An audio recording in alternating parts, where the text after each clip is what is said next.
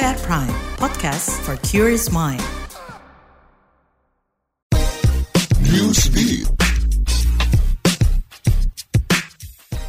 Jemaah haji di Arab Saudi harus menghadapi tantangan suhu panas ekstrim. Lantaran selama puncak ibadah haji, suhu tercatat mencapai 48 derajat Celcius. Dikabarkan selama peribadahan, ada tujuh jemaah haji yang wafat saat meninggalkan Arafah menuju Musdalifah dan Mina. Tak sedikit jemaah yang pingsan karena sengatan matahari yang begitu tajam. Sebelumnya, pemerintah Arab Saudi dan pemerintah Indonesia juga memperingatkan jemaah untuk mengantisipasi suhu panas ini.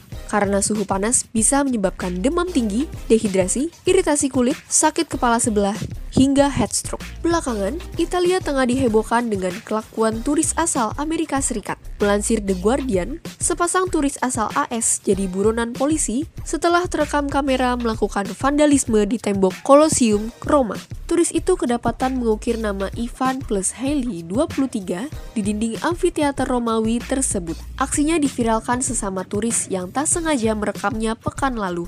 Colosseum adalah sebuah peninggalan bersejarah di Italia berupa arena gladiator. Perilaku turis yang dianggap tidak menghargai sejarah ini membuat geram Menteri Kebudayaan dan Pariwisata Italia. Film Spider-Man Across the Spider-Verse ditinggalkan 100 animatornya. 100 animator ini meninggalkan perusahaan sebelum seri lanjutan dari film Spider-Man selesai. Dikabarkan, pengunduran diri besar-besaran ini dilatari lingkungan kerja yang toksik dan jam kerja yang dianggap gila. Animator sempat dibuat menunggu 3-6 bulan lantaran penulis dan produsernya masih menggarap layout animasi.